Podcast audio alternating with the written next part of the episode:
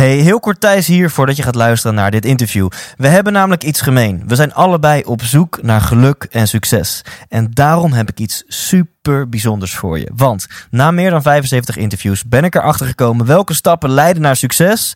Maar ook dat succes heel vaak niet leidt tot geluk. Wat is nu een methode om succesvol te worden en tegelijkertijd gelukkig te zijn?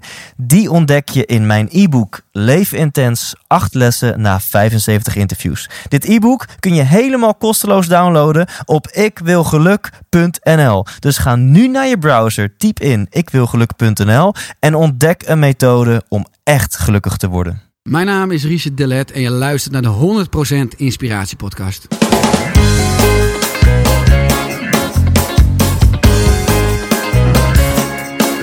Hey, wat goed dat je luistert. Hij staat weer voor je klaar. Je wekelijkse dosis inspiratie is weer daar. De allerleukste gasten geven al hun kennis prijs. Met je veel te blije host, hij praat je bij. Zijn naam is Thijs. Thijs, Thijs,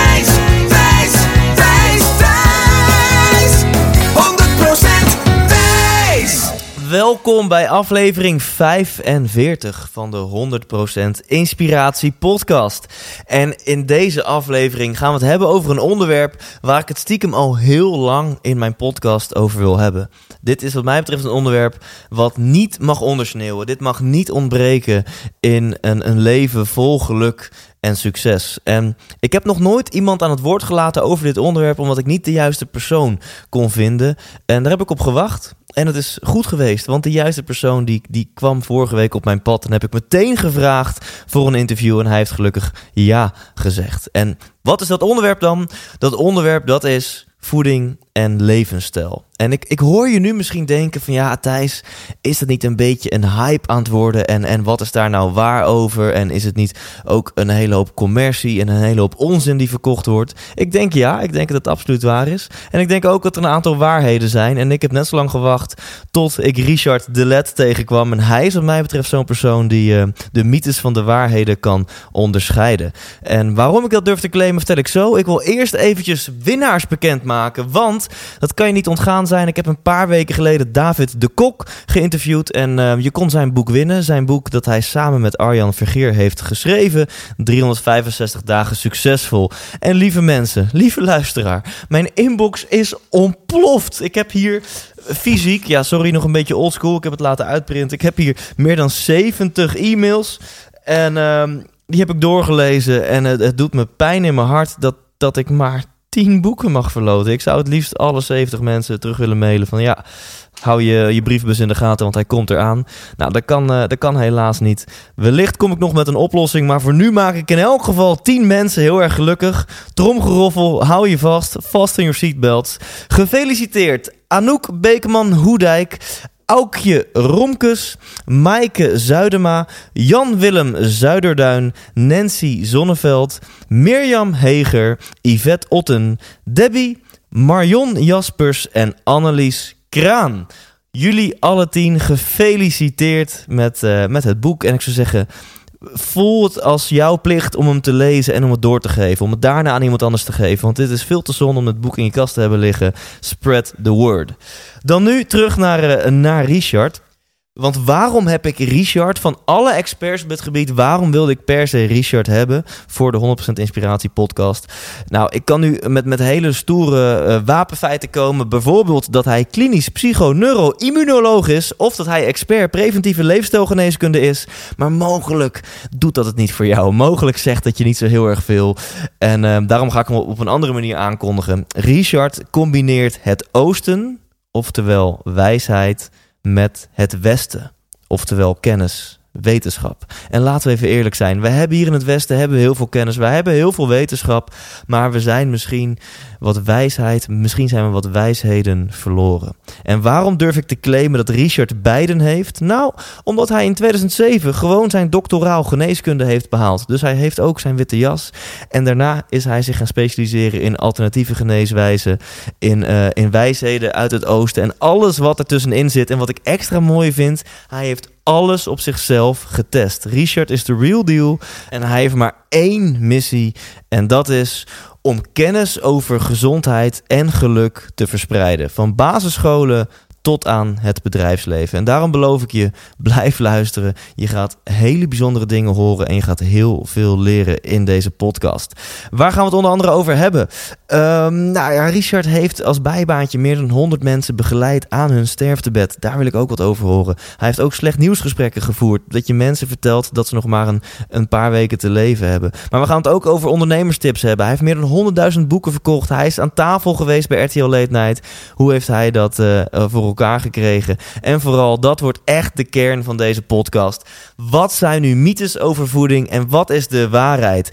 concrete tips voor een gezonde leefstijl en voor, uh, voor gezonde voeding. Daar gaan we het over hebben. En Richard weet dat op een betere en, en authentiekere manier te vertellen dan dat je tot nu toe hebt gehoord. Dat durf ik jou te beloven. Dus ga ervoor zitten.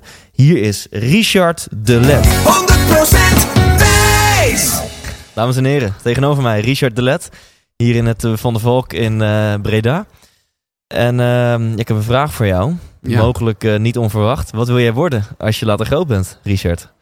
Wat wil ik worden als ik later groot ben? Nou, ik ben al een beetje groot, want mensen gaan soms u zeggen. Dan moet ik heel erg gaan wennen als mensen me, me, me, met u aanspreken. Ja. Uh, maar ik wil... Uh, ja, ik denk dat ik iemand wil zijn die inspiratie brengt, liefde en genezing. En dat klinkt dan gelijk al een beetje diepzinnig. Ja. Uh, maar ik hoop dat ik mensen informatie en inzichten mag geven. Misschien een beetje oude wijsheid. Waarmee ze goed voor zichzelf kunnen zorgen. En gelukkiger worden en sterker worden. En niet morgen, maar het liefst vandaag al. Ja, ja want precies, je, je praat, je zegt het in de toekomst. Ik wil dat die persoon zijn. Ja. Uh, volgens mij ben je die persoon al. Klopt ja, dat? Ja, dat, dat ben ik al. Ja. Dus dat is inderdaad, uh, dat is inderdaad rijkdom. En ja. dat is een heel proces ja. tot, tot vandaag. maar ja, ik, ik hoop gewoon dat ik uiteindelijk steeds vrijer mag worden. Ik denk als ik wie ik wil worden, dan heb ik het niet per, per se over een rol of over een baan. Maar veel meer dat ik vrij mag worden van bepaalde onzekerheden of angsten. Of van wat mensen van mij verwachten of me een bepaalde rol juist induwen. Ik denk als ik vrij mag zijn in mijn mind, in mijn geest. Ja. Uh, mensen om me heen van wie ik hou, die dingen doen waar ik goed in ben. Nou, dan heb je een heel rijk leven. Want heb je dan nu het gevoel soms, ondanks jouw, jouw heldenstatus en ook geval in jouw branche, heb je nu het gevoel alsof je toch soms in interviews of in bepaalde situaties toch iemand anders moet zijn dan je eigenlijk bent? Ja, ik heb soms nog wel uh, moeite met uh, bepaalde zwakke punten. Uh, ik heb soms nog ook te veel rekening met wat anderen van mij vinden. Ik wil soms ook heel interessant en wijs overkomen. Waardoor ik heel erg praat vanuit kennis en publicaties. Ja. En niet gewoon vanuit wie ik ben. Ik ben in principe gewoon een hele simpele jonge man. Zoals ieder mens in de basis heel simpel en eenvoudig. Authentiek is gewoon. Ja. En ik mag me soms wel wat meer verbinden met die echte kracht. In plaats van met die kop die erop zit. En die soms heel interessant en boeiend wil doen. Ja, ja, ja. En um, wat, wat is daarvoor nodig voor jou om, om, dat, om, om meer in elke situatie 100% Richard te zijn? Uh, ik denk uh, voor een stuk inzicht, uh, voor een groot deel. Ik denk dat ik steeds meer snap waarom ik ben wie ik ben. Als ik terugkijk naar mijn hele film van mijn leven en wie me gemaakt heeft als kind. Hè, zowel met betrekking tot mijn ouders, het schoolsysteem, wat je toch dingen opdringt, waar je dingen van overneemt. Ook wel een beetje ons land, wat toch een beetje een inslag heeft van doe maar, no doe maar normaal. Dan doe je ja. al gek genoeg. En ik ben me steeds meer gaan irriteren of allergisch ben ik geworden voor het gemiddelde. Ik, ja. ik heb een hekel aan normen. Ja. En dat is ook in de geneeskunde, in uh, nou, op een heleboel vlakken. Ik, uh, ik hou van afwijkingen. En ik ben zelf ook enorm afwijkend. Uh, heel veel mensen vinden mij ook afwijkend. Maar ik vind me eigenlijk heel erg normaal. Ik vind mezelf heel erg norm. Ik vind iedereen afwijkend. De hele maatschappij is afwijkend. Dus ik ben wel. Ik, ik durf meer af te gaan wijken. Ik durf meer te luisteren naar mijn eigen stem. En dan ook niet erg vinden dat andere mensen een mening over me hebben. Want als je ja, afhankelijk bent van de mening van anderen, dan kan je nooit in je eigen kracht staan. En dan blijf je toch een speelbal uh, van, van de omgeving. Terwijl echte ja. kracht ja, ontstaat binnenin je. En ik ben uh, uiteindelijk wel heel blij en trots dat ik in dat groeiproces uh, nu wel heel erg afwijkend tof. ben. En daar ja. wel heel erg van geniet. Nou, complimenten hierover. Ik vind het heel tof dat je dit zegt en dit durft te zeggen. En door dit nu te zeggen, ben je in dit interview in elk geval gewoon 100% Richard. En loop je niet ja. heel tof te doen of zo. Dat komt zo meteen uiteraard. Maar uh, geef je gewoon heel eerlijk en heel kwetsbaar antwoord. Dank je. Dus ja. dat, dat vind ik cool. Complimenten. Even voor de mensen die jou mogelijk nog niet kennen. Hè? want Ik zei het net al eventjes, in jouw branche ben jij een superheld. eh, maar nog niet eh, landelijk gezien kent misschien nog niet iedereen jou. Dus kun je jezelf heel kort even voorstellen aan mijn luisteraar? Absoluut. Eh, mijn naam is, is eh, Richard. Ik ben 34 jaar jong. Eh, ik woon in Heemskerk. Ik heb een vrouw en we hebben een eh, zoon van 6,5 jaar, Noah. Eh, ik wilde als kleine jongen arts worden, huisarts. Ik begon aan geneeskunde in 2002 in Amsterdam. Mijn doctoraal haalde ik in 2007, eh, mijn beul. En ik liep eigenlijk vast op de medische praktijk, omdat ik... eh, als kleine jongen beeld had als arts zijn, dan ga je, kan je met mensen omgaan, maak je contact. En ook in mijn geneeskundeopleiding had ik allerlei interesse voor allerlei andere opleidingen en stromingen. Met name ook uit het Oosten, die altijd praten over de oorzaak van klachten. En ik kwam er helaas achter dat de geneeskunde, althans hier in het Westen, heel weinig chronische welvaartsziektes geneest, oplost. Dus, eh, en ook omdat je maar eh, met mensen 7, 8 minuutjes kan zitten. Dus is dat heel vluchtig het contact. Ja. En je werkt te veel met allerlei medicijnen. Besloot ik om mijn witte jas op te hangen in 2007. En eh, ik heb mijn eh, kluis leeggehaald in de artsenkamer. Ik heb iedereen een hand gegeven. Ik zeg, ik ga weg, ik vertrek. Wat ga je doen? Ik had geen idee. Toen ben ik me gaan verhuren aan wijkzorginstellingen. En daaruit ben ik allerlei opleidingen gaan volgen. Eh, op zoek naar de waarheid. Op zoek naar Ja. de oorsprong van het, lezen, van het leven. Maar hoe je echt mensen klachten kan genezen. Hoe je klachten kan, zou kunnen oplossen. Volgens de wijsheid van, van de natuur. En daaruit kwam mijn eigen model voor. Oersterk. In 2012 mijn eerste boek Oersterk. En eh, gaf ik uit. eh, gaf ik zelf uit. Eh, kleinschalig dacht ik. Maar dat werd vrij snel een bestseller. Er ontstonden drie boeken naast. En nu inmiddels ruim 100.000 boeken weg. Ik geef lezingen, masterclasses aan artsen, psychologen, leken. Ik heb een, ja, een, eigen platform met, nou ja, met blogs, video's, podcasts. En ik wil eigenlijk mensen informeren en inspireren hoe ze goed voor zichzelf kunnen zorgen met informatie die je nergens ligt. Dat is misschien, als ik het samenvat, in de geneeskunde leer je alles over de dood, leer je alles over lijden, alles over ziekte. En je leert werkelijk niets over preventie, over voorzorg. Wat je eraan kan doen om vandaag sterker, vitaler te worden en eigenlijk het leven te gaan eh, bouwen van, eh, van, van je, je, dromen, zou je kunnen zeggen. Ja. Ja, ja, dit heel cool. En uiteraard wil ik zo meteen een aantal tips. Want ik denk als mensen nu luisteren, dat ze ook denken van... Oké, dan uh, dat klinkt heel goed. En doe Ja. mij eens een paar tips dan om uh, gezond te leven. Om preventief te Ja. zijn in plaats van naar de dokter te gaan met een verkoudheid. Want Ja. laten we gewoon voorkomen dat je die verkoudheid hebt. Ja. Om nog maar te zwijgen over veel ernstigere ziektes... die je uh, mogelijk ook gewoon kan voorkomen. Gaan we straks van jou horen. Maar eerst even, vind ik het leuk om te noemen. Wat ik heel mooi vind aan jou. We, we hebben natuurlijk zeker in deze tijd... Is het, kan je het wel een hype noemen, hè, voeding. Terwijl het Ja. natuurlijk onzin is om dat een hype te noemen. Want het is gewoon iets wat fucking belangrijk is voor je gezondheid. Ja. Maar dan heb je bijvoorbeeld eh, dames zoals de, de Green Happiness... die dan door de media helemaal worden afgebrand. Ook wel deels onterecht, vind ik zelf. Ja. Maar aan de andere kant heb je dan vaak de geneeskunde... die, er, die daar haaks op ingaat. Hè? Die dan zegt, nee, melk is wel goed voor je. Weet ik Klopt. allemaal. Klopt. Maar jij hebt dus allebei. Jij hebt gewoon je doctoraal. Je hebt gewoon een titel. Ja. Je, je hebt je witte jas. En je hebt dus ook die, die andere kant van misschien iets meer de wijsheden vanuit het oosten en over levensstijl en zo. De geneeskunde Ja. gedaan, ja. ja. Ehm zometeen wil ik heel veel dingen weten van jou. Van die twee werelden breng jij samen. En wat zijn dan vanuit die blend jouw beste tips? ja. Maar eerst nog even over, over dat, ja, een aantal stukjes uit jouw, ik denk jouw leven eh, tijdens je studie nog. Want toen, jij vertelde laatst dat je dan soms de operatiezaal uit werd gestuurd. Omdat jij iets te bij de hand te vragen stelde. De artsenkamer, Kun- ja. de, sorry, de artsenkamer. Kun, kun je daar eens wat over vertellen? Nou ja, ik heb in mijn geneeskundeopleiding interesse gehad voor allerlei andere stromingen. En daar hebben ze altijd over de oorzaak van klachten.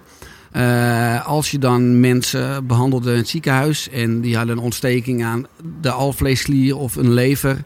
En als ik dan met iemand sprak en dan hoorde je dat diegene had veel eh, psycho-emotionele stress, had een scheiding, dronk te veel alcohol, eh, te langere tijd. Dus die alcohol deed eigenlijk ook een soort ontsteking creëren. En eh, met betrekking tot ontsteking uiteindelijk in lever, alvleesklier. En gingen wij alleen maar medisch eh, die ontsteking aanpakken. Eh, Ja. Dus met nou ja, infuus en allerlei. Terwijl voor mijn gevoel ook de oorzaak met name ligt in het aanpakken dan van psycho-emotionele stress. In kijken van in hoeverre speelt die, die scheiding of wat bepaalde Ja. onzekerheden, angsten. Als je iemand echt wil genezen, de gehele mens, dan zijn wij veel meer dan vlees en bloed. Ik denk we zijn eerder subtiel dan heel grof.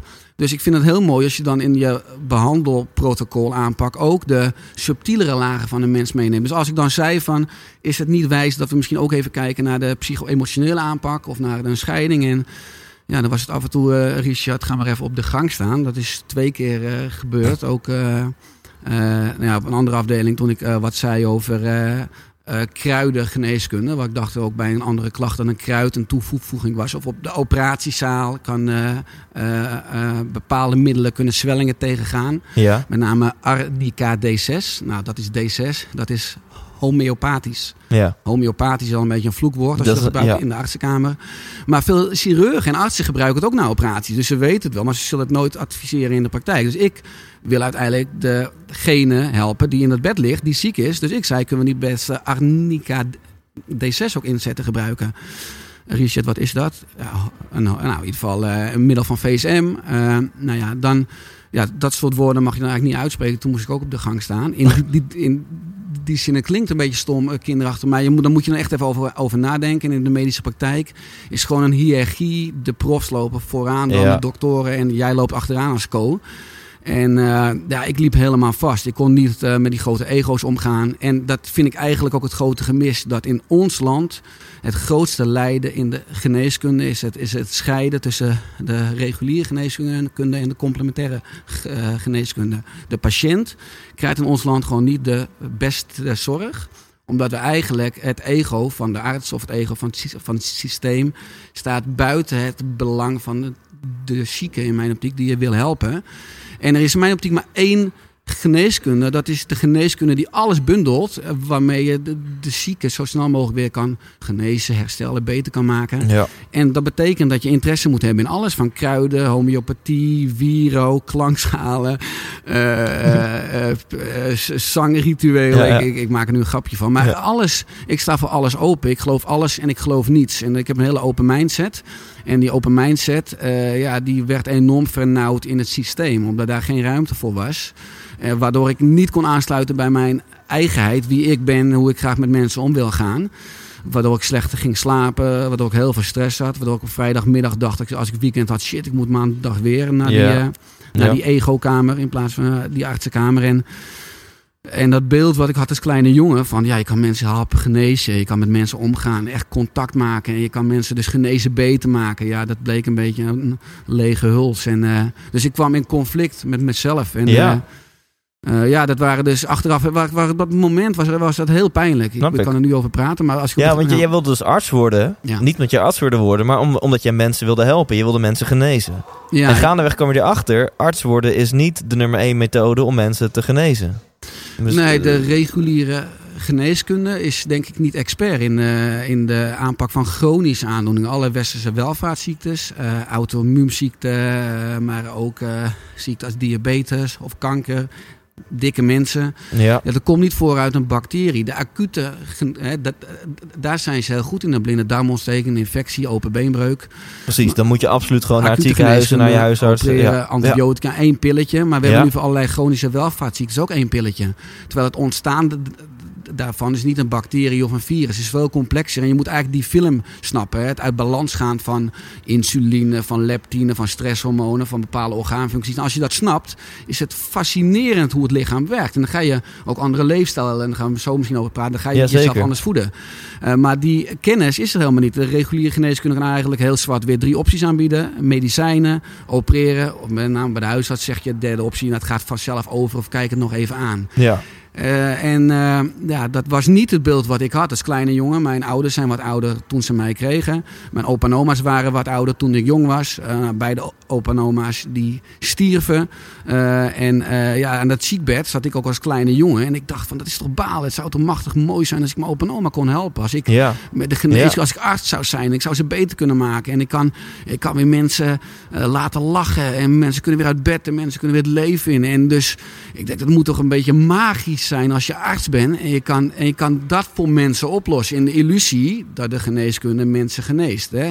Een arts kan niemand genezen. Genezen doe je altijd zelf. Je kan alleen het zelfherstellen en het vermogen stimuleren van het lichaam. Maar genezen Oh ja. doe je altijd zelf. Nou, dat heb ik inmiddels ruimschoots uitgevonden in de complementaire geneeskunde en in de, en in de, en in de natuur. Eh, maar dat, ja, die illusie, die raakte ik steeds meer kwijt. Want dan loop je in die witte jas door het ziekenhuis. Ja. En uh, ja, dat is wel goed voor je ego, want iedereen groet je en iedereen is aardig. Maar ik kwam er wel achter dat genezen of echt het oplossen van klachten, ja, dat ik dat eigenlijk gewoon niet kon. Zo. En uh, precies wat je net zegt, zometeen wil ik daarover hebben, over ja. levensstijl en zo. Nog uh, een andere vraag. We gaan een beetje hot naar her, maar om het toch redelijk chronologisch te houden. Je hebt tijdens je studie uh, heb je dan ook een, een bijbaan gehad uh, uh, waarbij jij um, nee, niet in een hospice zei je, maar in elk geval je, je, je, thuis, je, toch, bij mensen thuis. je werkt echt bij mensen die, die nou niet heel lang te leven hadden, die in principe gewoon op een sterftebed lagen. Ja. Um, we hadden het net al heel kort over Bronnie Ware. Heb ik in mijn podcast ook wel eens over gehad. Een bekend onderzoek van een dame die in een hospice honderden mensen heeft geïnterviewd op een sterftebed en heeft gevraagd waar heb je spijt van. Maar jij hebt dus in die fase van mensen hun leven ook met dat soort mensen gehangen. Wat heeft dat met um, kan je wat over vertellen? Wat heeft het met jou gedaan? Heb je daar inzichten uit, uit gehaald? Ja, dat, heeft me, dat maakt je denk, denk ik ook wel tot de mens die ik nu ben. Ik was, uh, ik was in mijn opleiding, ik moest een bijbaantje hebben. Nou, ik koos dan voor waakzorg. Dat was van vrijdagavond kwam je, da kwam je daarna aan. Om 11 uur s avonds ging je de nacht tot uh, s morgens 7 uur bleef je dan aan het sterfbed zitten. En uh, ja, dat is een uh, waakzorg, dat deed ik drie jaar. Dus ik heb bij honderden mensen mogen zitten in de laatste ja, drie maanden, twee maanden, maand, week van hun leven. Soms zelfs de laatste dag van hun Zo. leven. En dan ontmoet je mensen, dan ontmoet je mensen echt naakt. Dat wil zeggen, uh, dat het masker is af. Ze hebben geen rol meer. Je, je ontmoet ze met hun angsten, met hun onzekerheden, met hun triomfen van het leven, waar ze trots op zijn, maar ook met name dan dingen wat je zegt, die publicatie van had ik maar dit gedaan, had ik maar dat gedaan. En iedereen zei, Richard, joh, uh, uh, leef, weet je wel. Het leven gaat snel, maar leef, uh, pak het, proef het, neem het, leef vandaag. Doe gelijk, doe alles wat je wil doen, want het leven vliegt voorbij. En ja, als je dat één keer hoort, denk je, nou ja, ik ben, ik ben 22 of 23 of 24, het valt wel mee, ik heb een leven voor me. Maar als je dat 100, 200, 300 keer hoort van mensen die, die eigenlijk uh, stervende zijn, die het leven aan jou doorgeven, van wie ik die fakkel dan weer mag overnemen, dan ga je wel heel anders nadenken over het leven. En uh, ik uh, heb ja, echt soms ook wel weken een nachtmerries gehad, met name in mijn eerste jaar van mijn opleiding. Moest ik zes weken stage lopen in het Rode Kruis ziekenhuis. En ja, toen liep ik stage op de afdeling en iedereen op die afdeling had, had kanker. Maar waren niet alleen maar mensen van, van 80, 70 of 60. Maar er waren ook uh, twee gasten van mijn leeftijd. En die Oh. waren toen uh, uh, 22 en met een tumor, met uitzaaiingen. En ja, daar zat ik ook bij aan het bed. En ja, daar had ik zo conflict mee dat ik dacht van... het, is, het is niet eerlijk dat ik gewoon een leven voor me heb. Ik ga straks naar huis en ik heb een vriendin en ik ben toekomstplannen aan het maken. En als je... Als je uh, je, je goed voelt en geen klachten hebt of niet ziek bent, dan heb je duizend wensen. Maar als je ziek bent en je bent echt ziek, dan heb je maar één wens. Dan wil je beter worden. Ja. En, uh, en, en daar heb ik, ja, dat, dat heb ik zoveel nachtmerries en, uh, en ik sliep slecht omdat ik een conflict had. Ik, ik, ik vond het zo lastig omdat je als je in het ziekenhuis loopt en werkt, lijkt het of de hele wereld ziek is. Om weer Ja. een beetje eh, de juiste ruimte in je hoofd te krijgen om er aan de ene kant voor die mensen te kunnen zijn. Want die mensen die wil je helpen. Maar de, zeker in het begin hadden die een hele grote impact op mijn eigen emotionele systeem. Maar ook met je eigen wereldbeeld, in je eigen leven. Want alles is in, in, in, in ja, staat heel anders. Uh, als je met uh, mensen werkt die doodziek zijn van je eigen leeftijd. En ook met al die zieke mensen. Dus ik, ik had ja, heel veel lijden, heel veel dood. En ja, dat zorgde er wel gewoon voor dat ik heel dankbaar werd voor het leven. En vandaag. En dat ik wel al heel erg nadacht van, maar wat wil ik nou echt? Wat maakt me... Uh, wat wil ik toevoegen? Uh, waar haal ik mijn energie uit? Waar ligt mijn passie? Hoewel ik dat nog niet zo per se durfde te gaan leven, ben ik wel over dat soort vragen al na gaan denken. Ja, dus, dus, dus is, een mooie kruispunt. Is, is dat voor jou het grootste inzicht geweest? Dat je, dat je bent gaan nadenken, maar wat wil ik dan toevoegen in mijn leven? Ja, één. En ik denk gewoon dat me ook een inzicht was dat je uiteindelijk allemaal mens bent. Dat je allemaal, ik bedoel, ik ben bij CEO's geweest van die miljoenen euro's hadden in villa's met kunst voor miljoenen euro's. En, uh, en daar hingen schilderijen en kunstwerken van tonnen. Maar ze lagen naakt in bed en ze, en ze, en ze, en ze piesten in hun broek en ze, ze poepten in hun broek. En ik moest ze verschonen. En uiteindelijk, ja, ik wil niet zeggen, het blijft heel weinig van een mens over. Maar uiteindelijk zijn we allemaal mens. En in het leven is er heel veel afleiding en heel veel ruis. Je kan je verliezen in die mooie auto, in die grote business, in al die kunst. Maar het laatste hemd heb geen zakken. Je gaat gewoon, je komt in je eentje op deze wereld en je gaat in je eentje gewoon dood. En dat is een flits in de eeuwigheid. En wat doe je in die flits? Wat laat je achter? Uh, en uh, of je nou miljoenen hebt of je hebt schulden. Uh, uiteindelijk zit de kern van het leven in, niet in materie. En, en dat ben ik heel duidelijk geworden. Ja. Dus, dus ik, ik, ja, kan nu soms ook een beetje slecht voorbeeld een week in een trui lopen in een broek. geef heel weinig om materie, om, om, om, om, mm -hmm, mm -hmm. om, om, kleding, om materie, om spullen. Hoewel ik ook heel graag de nieuwste iPhone en MacBook et cetera heb. Maar het is de balans. Het gaat een soort niet materiële essentie, echt essentie van het leven. Gewoon de adem die je inademt, de liefde die je voelt, de, de, de natuur waar je inspiratie krijgt. En veel meer van wat wil je neerzetten, wat laat je achter in het leven. Daar ben ik veel meer over na gaan denken. En uh, ja, dus dat is. Uh, ja, dus ik ben altijd misschien qua leeftijd wel een voorloper geweest op leeftijdgenoot. Ik lag altijd over. Ik kon ook wel eens op zaterdag in uh, de kroeg lallen en gewoon slap lullen en, en bier drinken. Maar buiten dat ben ik altijd wel heel erg iemand. Het moet inhoud hebben. Het moet ergens over gaan, anders haak ik snel af. Ja. Fucking mooi gezegd, man. Dus je, je komt in je eentje naakt, je gaat in je eentje naakt en dat, daartussen is eigenlijk tussen. is een flits. Ja. En wat ga je doen in die flits? Ja. ja. Tof. Um, eens even kijken. Ja, laten we maar gewoon. Nou, ik kon nog één ding vragen en dan, dan naar die tips en zo. Um, jij vertelde mij dat je ook slecht nieuwsgesprekken hebt moeten doen. Ja. Tijdens jouw studie of tijdens jouw bijbaan of tijdens jouw baan als, als arts. Dus Ja. echt niet slecht nieuws als in uh, ik kom wat later. Maar uh, gewoon echt uh, heavy nieuws van je hebt nog maar een paar maanden te leven. Ja. Hoe is dat? Ja, het is super apart. Je kan kijken naar wat je eet per dag. We gaan zo even misschien over voeding. Nou, je eet drie, vijf keer op een dag. Maar uh, woorden spreken we iedere minuut uit. En denk dat de dingen die uit onze mond komen, dus de woorden die we uitspreken, veel meer macht hebben dan wat in onze mond gaat. Dus aan voeding. Dus het is natuurlijk heel abstract dat iemand binnenkomt. En die voelt zich, ja, voor een groot voelen mensen wel oké. Sommigen hadden natuurlijk wel signalen of klachten of waren een beetje moe. Maar dat je eigenlijk zei in een paar zinnen, en dat zijn woorden. Van, nou, ik heb slecht nieuws. Uh, de scan ziet er niet goed uit. Uh, u heeft een tumor, maar ook uitzaaiingen. Nou, de uitzaaiingen zijn dusdanig slecht. En ja, eigenlijk heeft u nog zes, weken. En dat je dan gelijk de, vitale, de, vitale blik, dus de blik in de ogen, de doorbloeding van de huid. De, dus eigenlijk zijn woorden een wapen gewoon. Je kwam met, met die woorden als een mokerslag kwam je binnen.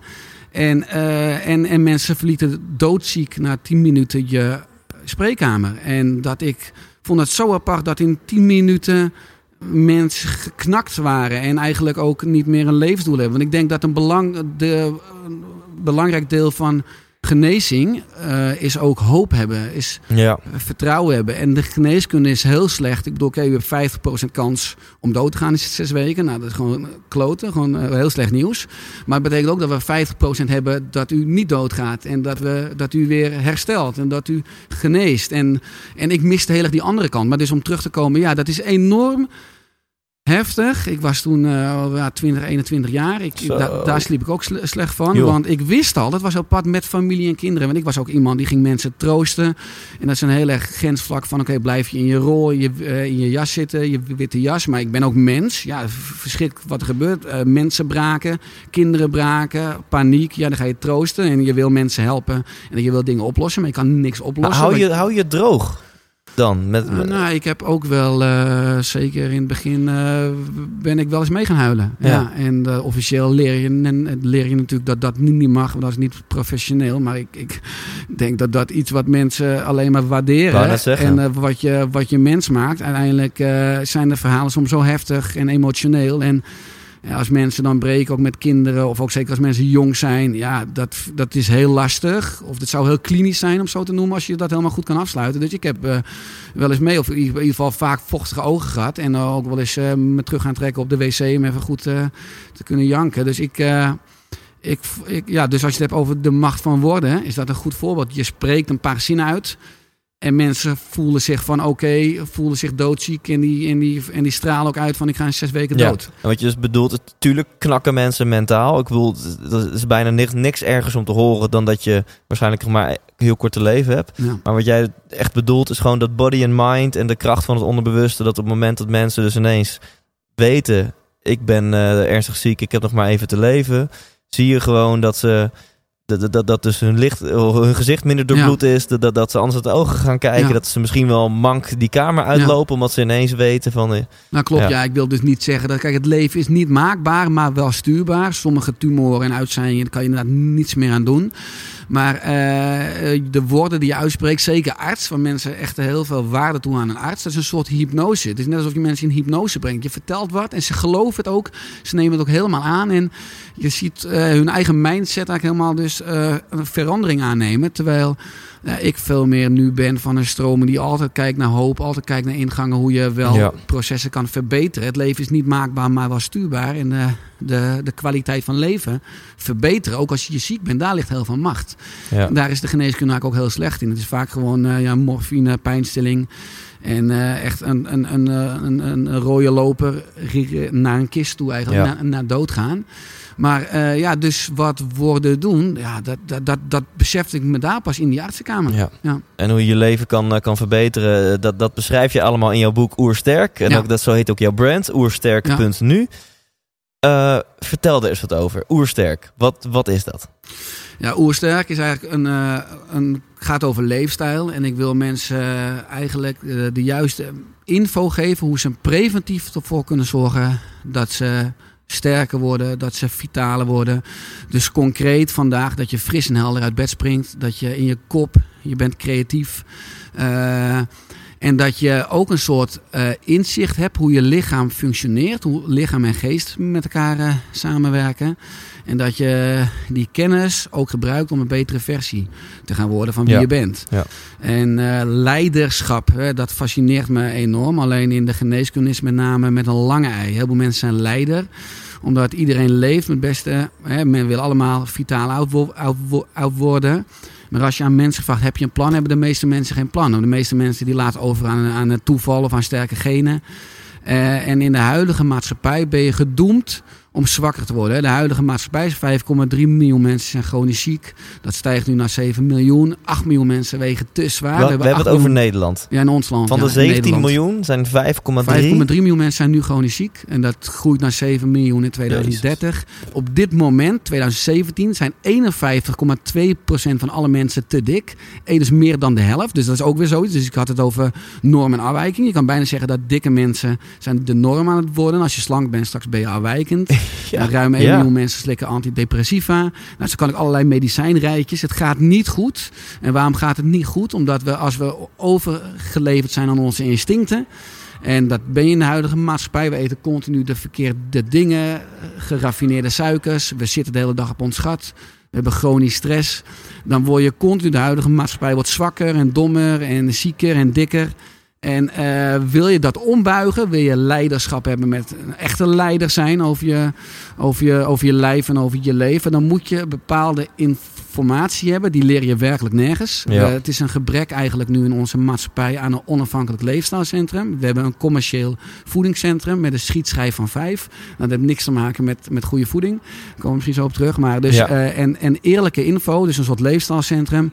Ja, dat wil ik mensen geven. Wat ik benoemde in ziekenhuizen, in thuiszorginstellingen, in verpleeghuizen, verzorgingstehuizen. Alleen maar ziekte, alleen maar lijden van mensen die vanuit hun intentie uh, gezond en vitaal leven wilden hebben. Hun best deden. Maar eigenlijk iedere dag de verkeerde keuzes Ja. maken. Ja, Op door basis van mytho- ja, en door instincten. Ja, We, we, we hebben een voorkeur voor zoet Ja. zout, een voorkeur voor lui zijn en voor, uh, ja.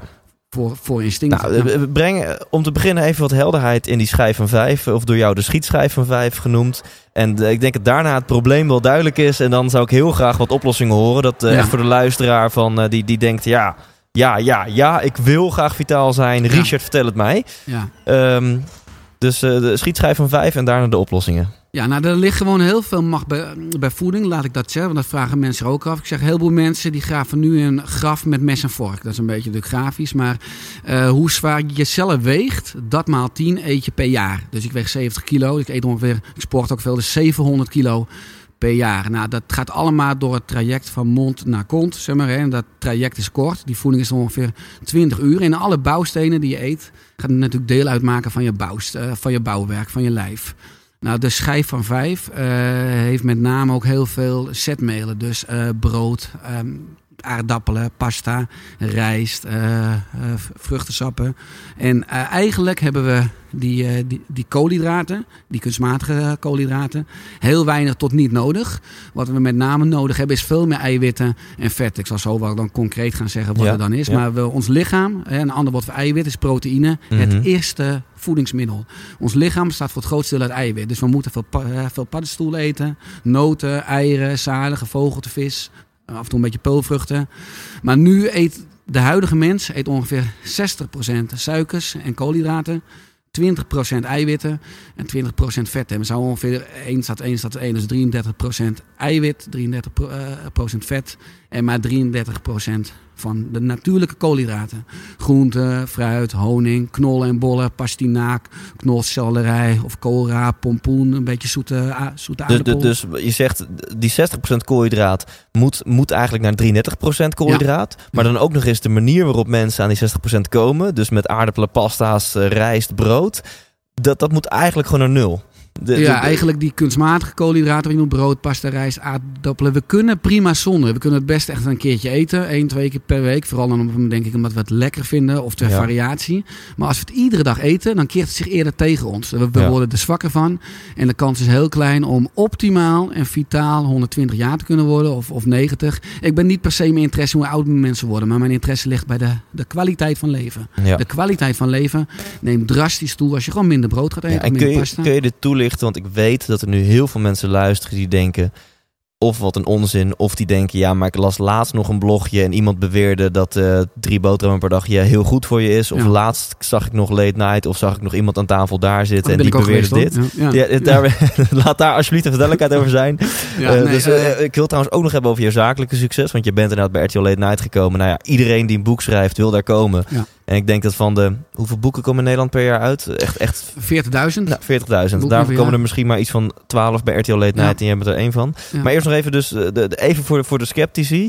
Uh, um, deels ook misschien wel uh, terecht. Van, hè, waarom... Kan je toelichten? Waar, waarom is het zo slecht? Dat is een hele goede vraag. Het is goed denk ik, om het toe te gaan lichten. Uh, ik ben heel erg... mijn interesse ligt... Hoe zijn we als mens, als homo sapiens... Uh, hoe zijn we op deze wereld eigenlijk? Uh, de, de mens is ongeveer 160.000 jaar oud. Uh, nou, 160.000 jaar terug aten we oervoeding. Dus de mens uh, was altijd langs het water, waar de mens leefde hè, als oervolk. Omdat je uh, aan het water gaf altijd zekerheid van voeding. Ja. En in het water had je altijd uh, schaal- en schelpdieren, vis en zeegroenten. En het blijkt dat we heel intiem verbonden zijn met de zee. Hè. De mineraalsamenstelling van zeewater is hetzelfde als de mineraalsamenstelling van ons bloed. En de vetzuursamenstelling van zeevoedsel is precies hetzelfde als de vetzuursamenstelling van onze kop, van onze hersenen.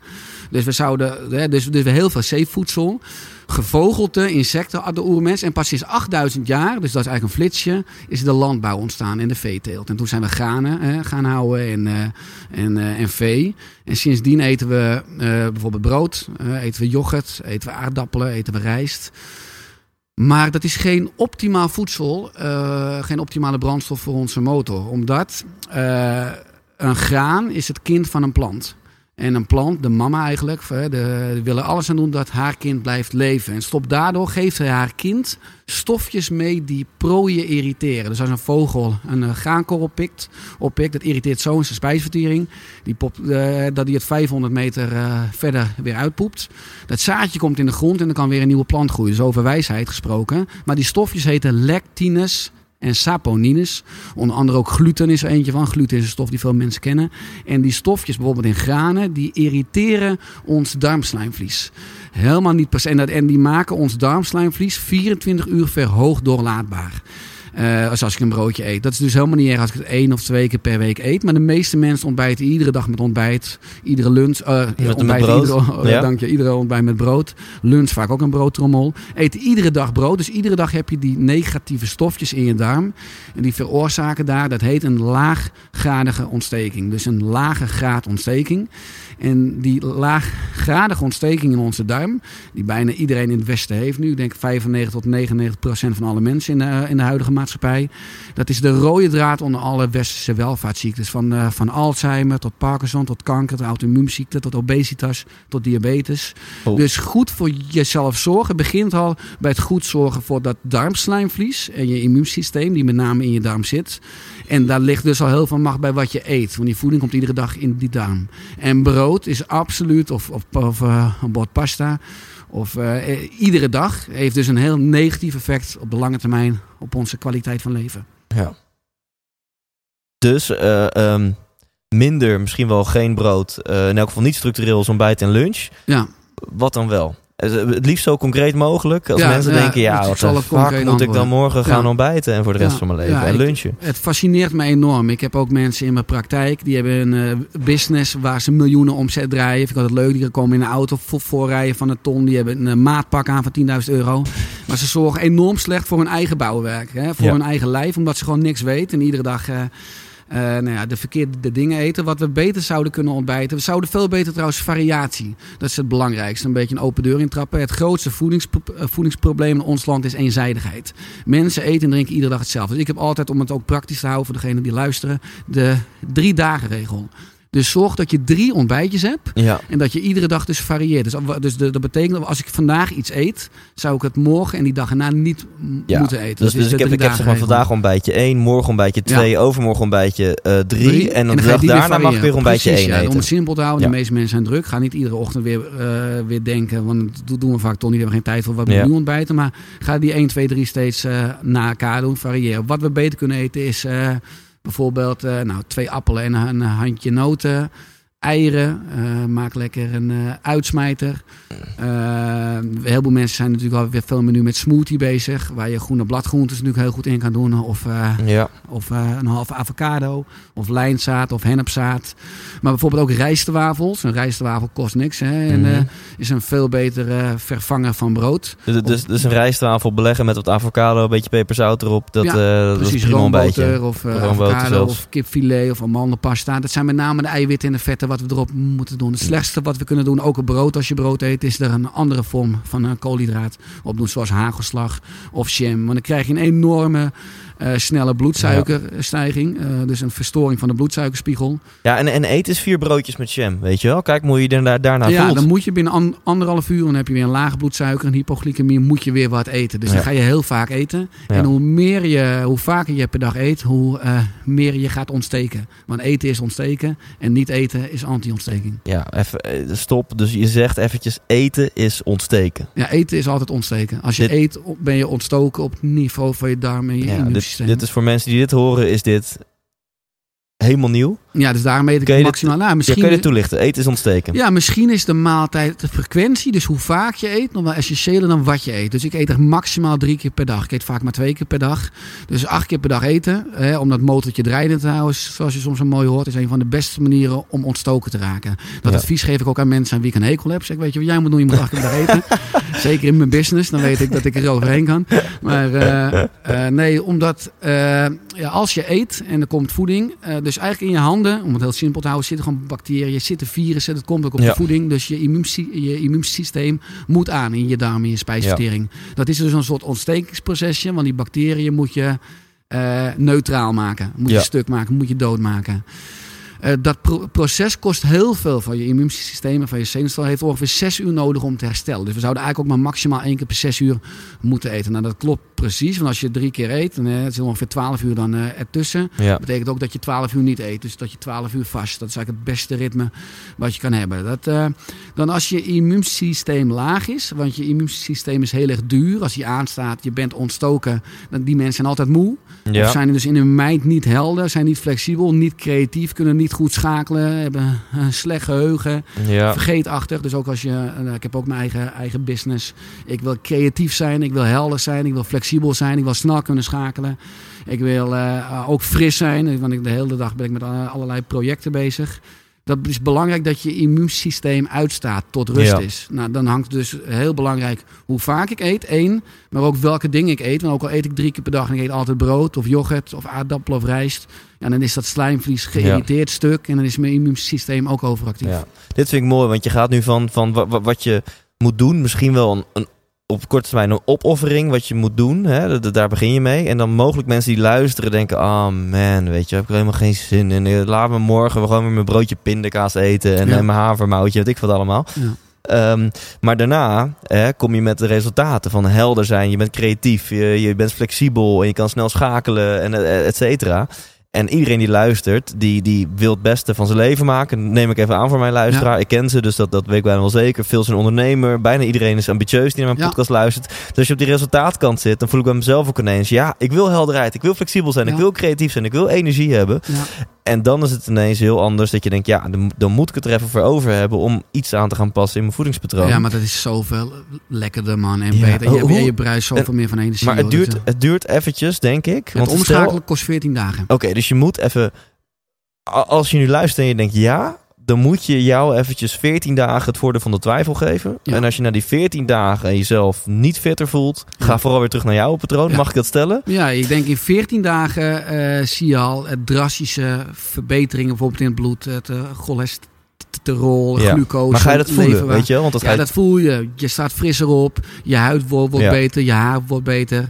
Je seksdrive wordt beter. Ik hoor werk zeker veel mensen Kijk, met een eh, eigen kijk. business. Die werken natuurlijk te veel. Te Ja. veel stress. Hey, en en, en eh, dus hoeveel kan het eerst even erger worden? Omdat je je voedingspatroon om gaat gooien? Kan Nee. het zijn dat je in de eerste paar dagen... je, je, je een, een bepaalde crush, of hoe noem je dat? Een ehm, Craving. cra- craving Ja. gaat hebben naar, dus, naar die pasta, naar die boterham. Nou, het kan met name, dat kan zo zijn als je moet afkicken van met name kunstmatige suiker. Heel veel mensen, ik bedoel, als je kunt, als je eh, s s'morgens een bak yoghurt eet en daar eh, stop je van die eh muesli in met, al, met allemaal suiker erin en die, al die flakes, Ja. die, die cornflakes met veel suiker. Als je dan minder suiker gaat eten, ja, dan moet je vaak wel even afkicken een paar dagen. Ja. Maar het is ja, als je kijkt, als je dus minder suiker gaat eten, je ziet dat je darmflora beter wordt. Je ziet dat je bloedsuikerbalans beter wordt. Je lever, ik bedoel, lever. Ik bedoel, wil je fris en helder uit bed springen morgens, heel concreet, dan moet je lever goed functioneren. Ja. Nou, je lever, daar wil je goed voor zorgen. Ook concentratie en focus, dat hangt met name af van het functioneren van je, van je lever. Nou, dan kan je gewoon afvragen, wat heeft je lever nou nodig om optimaal te kunnen functioneren? Nou, je lever heeft heel veel eiwit nodig. Nou, dan moet je wel eiwitten eten, met name vis en eieren, belangrijk voor, je lever. Je lever heeft heel veel eh, ja, zwavel, maar heel veel bloemkool, broccoli, bieslook, prei, geelwortel. Dus ik vertaal het allemaal zo concreet. Het is zo leuk als je gaat snappen wat je organen nodig hebben. Je dat kan gaan vertalen naar je bord. En dat gelijk terugziet in de prestaties van mensen en hoe mensen 's morgens opstaan. Ja. En hoe mensen uit hun ogen kijken. Maar die verbanden leer je werkelijk nergens. En de meeste mensen die, die lopen erbij als zombie. Zijn Ja. allemaal leider met lange ei. Omdat ze deze kennis niet snappen, niet kennen, niet weten. En dat vind ik een groot gemis. En dat wil ik juist, je hoort het ook, ik word enthousiast van. Ja, dat is tof. wil ik mensen aanbieden. Tof. Hey, om, om echt alle tips uit jou te trekken, dan zitten we hier morgen nog. Dus eh, de, je, je, je, je hebt op, op hoofdlijnen heb je nu zeker een aantal dingen aangegeven. Ja. Ehm, kan je die nog met één of twee dingen aanvullen? En daarna ga ik gewoon verwijzen naar je boek als mensen echt enthousiast zijn en alle details willen weten. Maar kan, kan je... ja, je, je hebt nu ook van die verdeling van koolhydraten, eiwitten, eh, vetten op- heb je aangegeven. Op, voeding zou ik gewoon zeggen, voeding maximaal drie keer op een dag eten. Op voeding het beste advies, ga 500 gram groente per dag eten. Ja. Ook, eh, dat vinden veel mensen lastig. Maar als je twee koppen soep hebt of een salade of een bak rauwkost, s'avonds heb je vaak al groente. Maar ik zal niet ingewikkeld, maar als je 500 gram groente maar eet, dan zorg je zo goed voor de bacteriën in je darm. En er zitten 100 biljoen bacteriën in onze darm en we hebben maar 10 biljoen cellen. Dus we hebben 10 keer zoveel bacteriën in onze darm als cellen in ons lichaam. Dus eigenlijk je vitaal voelen heeft met name te maken voor het goed zorgen van die bacteriën. Dus gaan we maximaal drie keer per dag eten. Zorg voor 500 gram groente. Eet eigenlijk maximaal twee keer per week brood. Of Ja. eh, yoghurt of pasta. En dan als je het hebt over mm, beweging, zou mijn belangrijkste advies zijn: eh, probeer dat je maximaal 6 tot 10 uur op een dag stil zit. Want eigenlijk zit is het nieuwe roken. Hè? Maar Mhm. als je gewoon eh, veel stil zit, dan breek je je, eh, je spier af. En Ja. je spieren is je fysieke spaarrekening als je vitaal oud wil worden. En op niveau van ontspanning is denk ik ook voor mensen met een business of mensen die Ja. er geen maar eh, plan je ontspanningsblokken in. Hè? Want veel mensen die, die, die plannen alleen maar een afspraak in, al een inspanning, alles wat moet. En de agenda loopt altijd vol. Ja, Maar begin met jezelf en dan pas je business en andere dingen. Plan je ontspanning in, je balans ja, omdat je in ontspanning herstelt, geneest. Alle herstelprocessen sterker worden. Of je nou sport, fitness, slaapt. Dat doe je allemaal in ontspanning.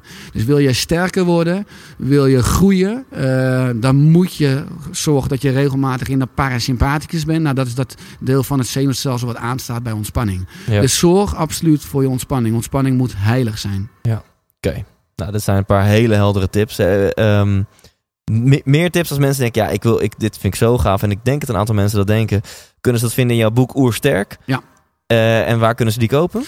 Eh, ja, overal in principe, maar ook via mijn website oersterk.nu. Ja, dan zijn de marges voor jou het hoogste, toch? Daar zijn de marges zeker Precies, hoger. dus Ja, koop hem niet via dat is Bol, koop hem gewoon via Oersterk. Ja, dat scheelt met 52 procent. Ja, dank. Ja, dank ja je, je, moet de, de motherfucker die oersterk.nl heeft, moet je nog eventjes... ja, die eh, ben ik mee bezig inderdaad, maar ja. oersterk.nu is het nu nog. is Ja, het die oersterk.nu.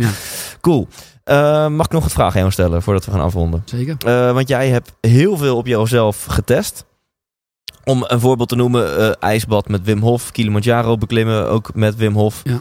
Eh, jij hebt ook een aantal dagen echt in Spanje geleefd als oermens. Ja. Eh, misschien is dat nog wel het leukste. Kun je daar wat over vertellen? Hoe dat was, die ervaring? Ja, dat was magisch. 2013, augustus, 11 dagen als oermens. Eh, op dag 1 bloed prikken, dag 11 bloed prikken. Dus je zag heel erg wat is het effect van die oorspronkelijke oeromgeving op mijn lichaam. Ja. Eh, op dag 1 eh, mentale vragenlijst invullen en op dag 11. Dus je zag ook heel, heel erg wat het deed op je mind. En in die ja, oorspronkelijke omgeving in Spanje moest je gewoon echt eh, acht uur per dag lopen. Je had alleen maar voeding die je kon ver- ver- ver- eh, verkrijgen in de natuur.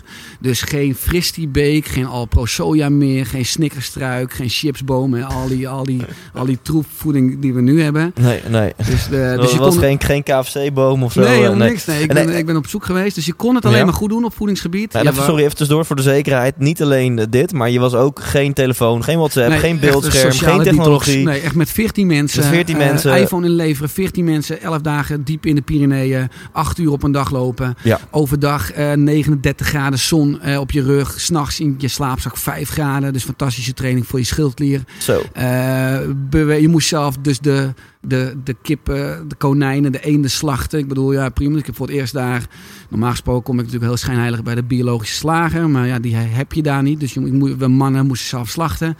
Het was Eh, in elk geval free range. In elk geval vrije uitloopkippen. Absoluut, Ja, absoluut. en, en eh, eh, en eh, ja, als het donker werd s'avonds, was echt pikdonker in de Pyreneeën, dan ging je slapen. Als 's morgens het zonnetje opkwam, dan werd je weer wakker. Dus echt de natuurlijke omgeving, wat je daar dus hebt, is echt ritmes. Eh, en eh, ja, wat dat doet, eh, wat dat deed, eh, op, ik heb het ook in één boek, eh, kom ik op terug, in Oerstek leven. En eh, mijn bloedwaardes waren abnormaal vitaal. Ik, eh, ook als je ze vergeleken met eh, ziekenhuiswaardes, dan viel ik helemaal overal onder. Dus eigenlijk was het, zijn dat waarden die je nooit tegenkomt. Omdat ik alles eigenlijk 100% goed deed. Maar ook qua, qua, qua mind. Ik had zo mentale rust. Je was zo fris en zo helder. En eh, je merkt op een gegeven moment weer als je weer in het toxische ritme komt. Nu in de huidige maatschappij. Dat je dat gevoel in zes maanden weer een beetje kwijtraakt. Omdat ja, de huidige maatschappij nou niet helemaal optimaal leven uitlokt. Ja. Maar het was gewoon, ik wilde dat doen, omdat ik sta heel veel op podia, ik geef veel lezingen. En ik wilde voorkomen dat mensen zouden zeggen van ja, je, eh, je weet alleen maar uit publicaties en kennis. Maar ik wil het ook echt leven. Dus met Wim Hof naar Afrika gaan, die berg beklimmen. Alleen in een broekje, een korte broek. Van plus 35 naar min 15. In Spanje als oermens, in een ijsbad.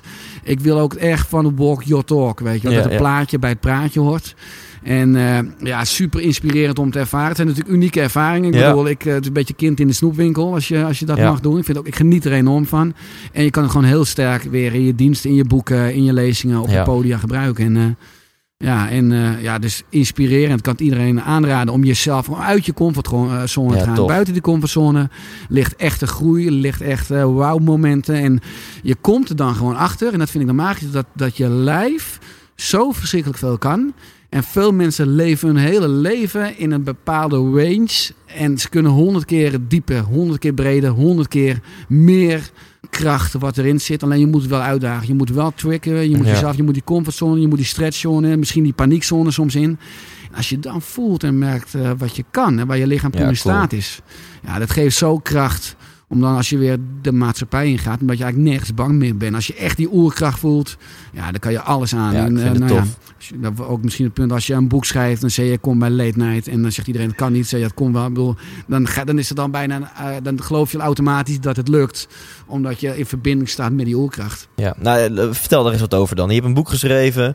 Uiteindelijk van het eerste boek 70.000 verkocht. Klopt Mijn dat? eerste boek Oersterk 35.000. Oh, Ik heb- ik heb- 35.000. Ik heb vier boeken geschreven ja, totaal. oké. Ja. Ja, en eh, met vier bij elkaar ga je over de 100.000 Ja. heen. Ehm, dat is echt heel veel. Dat is echt, echt heel erg Zeker veel. voor een eigen uitgeverij. En, en, en eh, je zegt nu doodleuk. Ja, ik heb maar gewoon gezegd. Iedereen zei, gaat je echt niet lukken, Richard? En je vrienden lachten je uit. Ja hoor, tuurlijk. Jij gaat bij Humberto, Humberto aan de tafel komen. M- Mijn vrouw zei, eh, Ries, vergeet het nou joh. Als je bij Late Night zit, dan vreet ik mijn schoen op, zei ze. Dus dat was ook wel een goede stimulans naast me. Ja, ja. Hoe is dat gelukt? Ja, door eh, allereerst eh, denk ik gewoon een, eh, een boek te gaan schrijven wat prikkelend is, wat wat toevoegt, wat vernieuwend is. Want Ja. Als het niet vernieuwend zou zijn, als het er al is, hoef je geen boek te schrijven. Mhm. Eh, daarnaast eh, ja, is het voor mij echt pionieren. Ik geef eh, de boeken zelf uit. Ik ben al jaren aan het vechten met vertegenwoordigers van boekhandels, waar je echt niet zomaar binnenkomt bij een Bruna, bij een ACO, bij een Bijenkorf. Ja. Dat steekt mijn ambitie nog steeds, want ik lig nog in heel weinig boekhandels. Maar Ja. de, de boeken zijn goed omdat de mensen het lezen echt daar geïnspireerd door raken en het door gaan vertellen. Maar ja, op, eh, met Oerstek Leven had ik, eh, ik huur altijd iemand in voor mijn media. Ja. En eh, ja, die huur je dan in. En ja, zo'n PR-dame kost rond de 1500 euro. En die heb ingangen bij kranten, tv, Ja. radio en nou ja. dan schrijf je natuurlijk speciaal wat voor de pers. Nou, dat gaat dan ook naar echt ja, late night. En eh, dus we, waren daar bezig. Late night had interesse. Nou, dat, eh, ja, je weet dat het pas zeker, dat zeggen ze ook. Eh, je hebt 99% zekerheid, ook al krijg je, krijg je toestemming Ja. van je mag komen. Maar eigenlijk is het 99%. pro- 99% want als er op een dag iets gebeurt, een ramp of een, eh, iets heel actueel. Gerrit Joling eh, re- reist aan in Amsterdam en die breekt zijn been en die wil wat komen vertellen. Nou, dan wip ik nu weer, natuurlijk weer gelijk van, eh, van mijn stoel af bij Night. Ja. Ja. Dus, maar ik had ook een, een vriendin van me die kent Humberto. En eh, Humberto Tan is natuurlijk eh, presentator. Dus die gaf aan van me, Ries. Als je nou eh, je boek, als je er wat inzet, ondertekent, wil ik wel voor je dat boek naar hem toe brengen. En uh, voor uh, wat het toevoegt of helpt. En uh, dus er zijn eigenlijk twee manieren. Ik denk dat het boek goed was en dat we van onderaf bezig waren. En dan stond heel erg open. En van bovenaf via Humberto, ik weet niet. Uh, want ja, kan natuurlijk items afwijzen. Uh, hij kan ja. natuurlijk items ook zeggen, nou dat lijkt me ook wel wat. Of, uh, maar door omstandigheden kwam ik gewoon bij Late Night. Ja, en ik vind dat veel meer quantum fysica. Ik had in mijn hoofd al een beetje een beeld dat ik aan tafel zat. Dat het goed zou komen. Dus ja. ik had de werkelijkheid al een beetje gecreëerd in mijn mind. En dat gaf al rust. En... Maar dat is één, want ik denk cool bij late night. Maar dan ben je bij late night en het begint om half, om half elf avonds. En dan ben je om half tien al in die Queen room met al die BN'ers. En dan uh, moet je in de, in de smink of in de cream room. Ja, ja, ja, ja, ja. Ja, jongen, en ik was zenuwachtig. En ja. ik, ja, ik, uh, ik stotter ook, misschien ook nu wel te horen in deze podcast. Maar het gaat aardig goed onder controle. Maar dan moest live op tv met al die live camera's. Ik denk, wow, wat als ik nou een vastloper heb. En ik dacht, ik kan nog wegrennen. Dus ik ben naar buiten gegaan. Een stukje gaan lopen buiten op de Rembrandtplein. En ja, ik dacht van, ik kan het mezelf natuurlijk nooit vergeven als ik wegloop. Dat nee. doe ik ook niet meer. Die fase heb ik gehad. Maar ik vond het echt enorm spannend. Het was ja. echt een beetje mijn paniekzone in. Of mijn, in ieder geval mijn stretchzone. Ja. Maar joh, wat was ik trots ik, uh, toen ik ja. uh, gewoon een mooi item had. En ik, uh, ja. ja. het ging lekker. En met al die BN'ers om je heen. En ja, dat slaat nergens op. Maar is ook mijn mindset. Ik ben helemaal onder de indruk van BN'ers. Nou, die gasten weten helemaal niks. ja. jij bent de expert, dus kom op, weet je wel. dat heb ik mezelf ook maar even ingesproken. Maar, ja, ja, ja, ja, goed zo. Maar dus dat was heel leerzaam, die hele. Maar dus gewoon, nou, hoe kwam ik bij Late Night? Door een goede strategie. Allereerst geloven dat je het waard bent. Dat je het kan, dat je iets toevoegt. Ja misschien uh, met de goede mediapersoon vinden die daar binnen kan komen. Ja, als je iemand kent die Humberto et cetera kent, dat is ja, altijd ja, fijn qua contacten. En uiteindelijk dan ook gewoon doen. Ja, want het is nu verleidelijk om te denken, oh, hij kende Humberto via via dat. Maar nee, dat is maar ik heb hem niet. dus nooit ontmoet gesproken. Ik wist ook niet of hij het boek nee, had gedaan of precies, het gelezen had. Want precies. hij krijgt waarschijnlijk tien boeken per week. Het begint gewoon met, met gewoon het geloven. Ja. Dit gaat me lukken. De mentale creatie eerst. Jij zag al dat je daar zat. Ja. En vervolgens heb je en een knijtergoed boek geschreven. Heb je dat ook nog eens echt geschreven vanuit je hart, vanuit een missie. En dat Ja. voelen mensen uiteindelijk ook. En heb je een PR-dame ingeschreven. Dus alles was gewoon Ja. gericht op dat doel. Ja, Ehm, misschien nog één toevoeging ja. mooi. Ik gaf mijn eerste boek uit, Oersterk, in 2012. Eigen beheer. Ik had geen geld. Ik leende 15.000 euro van mijn ouders. Voor 4500 boeken. En mijn vrienden, ook mijn eigen vrouw, had zelf een beetje zorgen. Want die had ineens eh, schulden bij de schoonouders.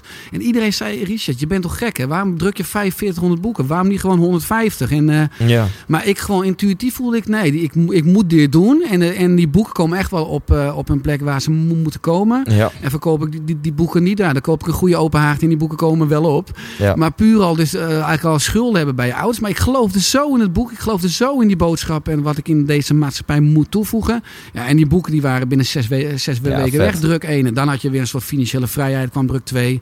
Ja, dat is echt mijn doorbraak geweest. Door gewoon echt... Dus rationeel waren alle argumenten zeiden natuurlijk... Ja, je bent dom. 4500 boeken te hoog. 1500, 15.000 van je ouders lenen dom. Ja. Alles was dom. Maar gewoon, ja, ik wist, ik voelde. En ik Tof. wist, ik voelde van dit moet ik gewoon zo doen. Tof. Ja, eh, voordat ik je on the spot ga zetten en een mega gave vraag van Ruben van Zwieten erbij ga pakken, Ja. wil ik nog één ding zeggen en één ding eh, vragen. Wat ik wil zeggen is, wat ik tof vind aan jou, misschien in dit interview, zeker de dingen die je over voeding zegt, gaan mensen misschien een weerstandje voelen. Hè? Dat, ze, dat, dat ze het niet leuk vinden wat ze horen of zo. En dan wil ik elk geval even toelichten. eh, jij bent geen commerciële motherfucker. Je zegt die dingen niet omdat daar je business in zit of omdat je daar geld mee verdient. Je, je hebt echt een missie en dat is gewoon zoveel mogelijk mensen kennis laten maken met een gezonde levensstijl. En dat vind ik echt heel erg cool. Dus dat je, het komt allemaal uit je hart en dat is jouw missie. Ja, jouw missie is niet eh, je bankrekening eh, spekken. Ehm, dat, dus thanks daarvoor, heel tof. Dank je. En daarom gun ik je ook eh, eh, wat promotie. Niet alleen voor jou, maar nog veel meer voor gewoon de rest van Nederland, de rest van, eh, van de mensen. Ehm, ik, ik denk dat heel veel mensen afgelopen uur hebben gehoord van ja, fuck man. Ik, ik heb in, binnen mijn eigen bedrijf waar ik werkzaam ben, of binnen mijn eigen bedrijf waar ik directeur van ben. Dit is ook fucking waardevol voor mijn medewerkers. En die dingen die je zegt, kan je dat niet even op een podium bij ons komen zeggen? Dat doe jij, toch? Ja, absoluut. Ik sta heel graag op een podium. Ik draag mijn, mijn boodschap super leuk en prikkelend uit. Ik ben niet ja, extreem. Hè? Dus ik ben gewoon. Dus we kunnen gewoon alles eten uit de huidige tijd, de moderne maatschappij. Maar eigenlijk maximaal 20% in mijn concept. En we zouden ongeveer eh, de andere, andere 80% oervoeding mogen eten. Maar ik vind het super leuk om ook zakelijk op, podium, eh, op podia te staan, die Ja. boodschap te kunnen uitdragen. Ik begeleid CEO's, managers ook in mijn praktijk. Want het Dat is allemaal maatwerk met bloedonderzoek, met urine. Maar uiteindelijk kan ik het echt. Persoonsgebonden plan maken. Ja. Gewoon voor eh Tof. Dus alles kan en gewoon een, jouw geld over eh, betalen en dat jij een uurtje komt praten, dat kan uurtje, ook. workshops, alles Eh, kan. ja. dan moeten mensen ook gewoon naar oersterk.nu. ja, naar oersterk.nu en dan op de button zakelijk of op de button spreker als je maar spreker wil hebben. Cool, Dankjewel Thijs. Ja, you're welcome. Dan ga ik je nu onder spot zetten. En, want er zitten een aantal vragen tussen waar ik wel benieuwd naar ben wat jouw antwoord daarop is. Ready? Ja, TV of Netflix? Netflix, Stad of dorp? dorp, Hoofd of hart? Hart, Praten of luisteren? luisteren, Boek of podcast? eh, boek. En dan het boek Oersterk natuurlijk. Ja, nee, maar of de podcast 100% inspiratiepodcast. Dankjewel, dankjewel. Bier of wijn? Wijn. Drink jij alcohol? Rode wijn. Biologische rode wijn. Biologische rode wijn. Ja, eigenlijk mag je maar één glas per dag drinken. Maar ik ben gewoon heel creatief in de Ja. grootte van het glas. Kijk, want eh, David de Kok was heel, die zelf zegt, geen alcohol, vernauwt de geest, niet doen. eens? Nee, ben ik mee eens. Ik ben ook niet voor iedere dag alcohol. Ik drink eh, drie glazen per week. Omdat ik genieten in het leven essentieel vind. ik Ja, geniet en, en van voor jou is alcohol wel nodig, precies, daar geniet je heel Ja. erg van. Ja. Eh, dronken of stoned? Poeh, nou, ik heb niks met drugs. Dus dan toch dronken. Ja, precies. Jong en onbezonnen of oud en wijs? Jong. Ja. Sinterklaas of kerst? Kerst. Ja. En dan kan je natuurlijk het boek Oersterk cadeau geven. Ferrari of Tesla? Elektrisch rijden met Tesla. Ja. Beatles of The Stones? Eh, alweer Stoned. Oh nee, Stoned. Eh, Beatles. Beatles, Beatles, Ja. cool. Er zijn trouwens ook heel veel onderzoeken natuurlijk over wat muziek doet met je met energetisch, met, met je gezondheid. Ja, en orgaanfunctie zelf. Ja. Ja, enorm. cool. Poetin of Trump? Oh. Jeetje, dat is heel lastig. Dat Allebei is, dat is kiezen uit twee maar dan eh, ga ik toch voor, voor Poetin. Ga je voor Poetin? Ja, ik heb niks met Donald Trump. Vind ik enorm. Ja, ook niet, niet met Poetin, maar dan zou ik toch gaan voor, voor Poetin. Ja. Ja. Wintersport of strandvakantie? Strandvakantie. Wat, wat zou jij in het kader van de gezondheid meer aanraden? Wat, wat is beter voor je? Een, een weekje lang helemaal geen reet doen in de zon liggen met 30 graden... of een week lang eh, met min 20 de piste af? Ik zie eh, veel meer in een vitamine D3 eh, vakantie. Dus echt lang in de zon. Het ontspant me enorm. De zon maakt ook andere stoffen vrij in, in je lichaam. Wat enorm Ja. je bloeddruk verlaagt. Maar ook je, je mind enorm tot rust brengt. Ik ben, ik ben gek op zon. En kou, windsport vind ik echt minder lekker qua opladen eh, dan, dan zon. Nederland uit en er nooit meer in... of Nederland in en er nooit meer uit? En Nederland uit en er nooit meer in. Oké. En ligt dat toe? Australië, eh, ik ben net terug, zes weken eh, ben ik daar geweest. En het sprak me enorm aan de ontspanning, hoe mensen me- met elkaar omgaan. Bijna het gebrek aan regels. Ik vind ons land hoe we met elkaar omgaan. Uh, een kort lontje ook op de snelweg van het toeteren tot uh, agressie. Tot hoe we elkaar aanspreken op social media. Uh, ook met wilders, ook in het land wat er allemaal gebeurt. Ik vind ons gewoon niet zo lief meer voor elkaar. Ik vind ons niet meer ontspannen. het leven is zo verschrikkelijk mooi. We, we moeten het met z'n allen samen doen. En dat gevoel van samen, wij, groet iedereen op straat. Ik zeg iedereen goedemiddag, goeie, goeie avond. Goeie, gewoon, gewoon even een praatje maken om het niets. Uh, ja, ik mis dat eigenlijk. Dus ja. ik denk nu een beetje sentimenteel. Ik vind dat we maatschappelijk een beetje de verkeerde stresskant op gaan. Uh, wat ook terugkomt in de huidige ziektecijfers en klachten. En ik, ik verlang naar een ander leefritme. Ik verlang soms gewoon naar, uh, naar een maatschappij waar het ritme even wat lager is. Waar we meer aandacht voor elkaar hebben. En waar we echt de zin van het leven in andere dingen zoeken dan wat we nu in ons land en doen. En is het in Australië zo? Nou, ik heb dat natuurlijk een beetje, natuurlijk eh, niet eerlijk, dat je daar zes weken toert in een camper. Maar die mensen die je daar moet, uh, ja, die hebben, maar ook in winkels, zijn enorm vriendelijk. In de rij daar, je hebt nooit haast, ook al zei je tien minuten te wachten. Ze maken allemaal een praatje met je op de snelweg. Dat doet het nooit iemand, ook niet als je iets doms doet en, en ze moeten even wachten. Want je rijdt daar natuurlijk aan de andere kant en je stuur zit rechts, dus in het begin uh, is dat even wennen. Uh, dus qua, qua mensen en ook vond ik dat veel prettiger. En dacht ik ook wel, misschien moet ik wel emigreren maar dat is gewoon te ver. En ik wil nog te veel dingen neerzetten in ons land. Ja. Maar op basis van jouw vraag heb ik maar één keuze. En dan zou ik nu gewoon mijn gevoel zeggen dan, ja, dan ja, zou ik het land niet per se missen. En de kou ook niet, want dan ben je zon. Maar ik denk ook dat we gewoon ons land met z'n allen ook gewoon veel, veel mooier kunnen maken. En dat is mijn missie. En daar wil, wil ik een, ook een schakeltje in zijn Tof. met Oosterk. Eén dag koning of één dag weer kind? Eén dag weer kind. Cool. Ik heb een vraag voor jou van Ruben van Zwieten. Die ga ik nu erbij pakken. Ja. Ja, uh, beste Richard. Uh, denkende aan de oermens, dan moet ik al snel denken aan een survival of the fittest. Het rijk der sterkste, eten of gegeten worden, winnen of verliezen. Dat is de wereld van de harde krachten, uh, de onberekendheid van de natuur. Zou jij ook kunnen denken aan een wereld van de zachte krachten, waarin het niet gaat over winnen of verliezen, maar waarbij de mens als zwakste iemand heeft die als sterkste naar hem omziet. Kortom, moeten we wel zo trots zijn op die oermens? Kun jij je ook een andere mens voorstellen? Tegen de natuur in, anders dan de natuur, een mens van de zachte krachten. Uh, ja, Ruben, een hele mooie vraag. En ik uh, denk dat jouw beeld van de oermens misschien niet helemaal juist is. Want ik denk dat de oermens juist een mens was met hele zachte krachten. Uh, het beeld wat er een beetje heerst is het survival of the fittest. Hè? Maar het is nu veel meer de survival of the fattest trouwens, hè, de huidige maatschappij. Dat is een andere uitweiding. Maar dat is niet helemaal waar. Het was niet echt survival of the fittest, maar het was met name survival of the kindest. We hebben een heel groot empathisch brein. Bij onze hele hersenschors is gemaakt voor sociale interactie, is gemaakt voor liefde, is gemaakt voor samenwerken. En de belangrijkste voor de oermens was dat je je sociaal gedroeg omdat als je verstoten werd uit een groep, dan was je kans om, te, om, je, sowieso om je voor te kunnen planten nul, maar ook om in leven te kunnen blijven ook nul. Dus we zijn als mens heel erg sociaal, empathisch, zacht. En ik denk dat we als mens, juist als oermens, juist altijd het vermogen hadden. De oermens leeft ook in groepen van ongeveer 150 mensen. En dat de oermens juist heel goed voor elkaar zorgt. En heel erg ook zacht, empathisch, met liefde met elkaar omging. In plaats van elkaar de, de kop inslaan of juist de krachten gebruiken voor een, een verkeerd doel, zou je kunnen zeggen. Ik ben ook heel erg voor het inzetten van kracht voor een goed doel. En als je liefde inzet, dan heb je in principe geen kracht nodig. Kracht heb je in principe alleen maar nodig voor het slechte. Uh, maar ik denk dat dus in de oertijd er heel veel zachte krachten waren. En dat we dus als mensen een heel erg empathisch brein hebben.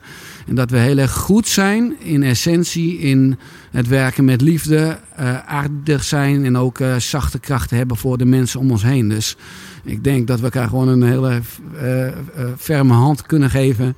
En dat zowel de oermens als jouw missie, mijn missie is dat we op een zachte manier met elkaar omgaan. Dat we vanuit liefde denken, vanuit liefde werken. En dat we uh, ja, zo werken aan een wereld die uh, vitaler, zachter en, uh, en, en, en, een stuk mooier is. Ja, prachtig. Prachtig. We gaan afronden. Als er nog één ding is die jij wil zeggen en waar ik niet naar heb gevraagd, dan is dit nog je kans. Nou, ik wil iedereen die luistert oproepen om leefstijl als medicijn te gaan gebruiken in hun eigen lichaam. Ik, uh, of in je eigen leven. Uh, ga je er wat over inlezen, ook al ga je maar wat, wat blogs lezen. Maar besef gewoon dat je zoveel macht hebt en je leven is zo waardevol en kostbaar. En uh, wat ik noem, het leven is niet maakbaar, wel stuurbaar. Gebruik gewoon die macht. En, ja, en, ja, en deel dat eventueel met mij, want dat is eigenlijk mijn missie om om mensen te inspireren om het beste uit zichzelf te halen en samen te bouwen aan een vitale toekomst. En Ja. dank Thijs voor eh, het podium wat je me ook geeft met deze podcast. Tof. En jij heel, heel erg bedankt, Richard. Thanks. 100% Thijs! Bedankt dat je ook weer deze aflevering hebt afgeluisterd. Dit was aflevering 45. En je wordt wederom beloond, want Richard verloot vijf gesigneerde boeken oersterk. Wil jij zo'n boek winnen? Mail dan eventjes naar thijs.thijslindhout.nl En dan wil ik heel graag van jou weten wat jij hebt geleerd van dit interview. Wat jij gaat toepassen, wat jij gaat doen in jouw leven. En, en mocht iets waarvan je overtuigd was, nu helemaal overhoop zijn gegooid. Mocht je een nieuwe overtuiging hebben over voeding of over levensstijl, ben ik heel benieuwd wat dat dan is. Dus mail dat naar thijs.thijslindhout.nl en dan maak ik volgende week vijf namen bekend die dat boek Oersterk hebben gewonnen. Volgende week mijn aller, aller, allereerste internationale gast. Ik ga in mijn best English mijn best proberen te doen om iemand te interviewen. En wie dat is, dat hou ik nog eventjes lekker geheim. Tot volgende week. Leef intens. Hey, Thijs hier nog even heel kort. Als je dit interview hebt geluisterd, dan ben je net zo'n gelukstijgertje als ik. En dan is er maar één ding wat je nu het allerbeste kunt doen. Namelijk gaan naar ikwilgeluk.nl, want daar download je helemaal kosteloos mijn e-book en ontdek je wat wel en niet gelukkig maakt. Oftewel, bespaar jezelf een hele hoop ellende van het zelf proberen uit te vogelen en ga nu naar ikwilgeluk.nl.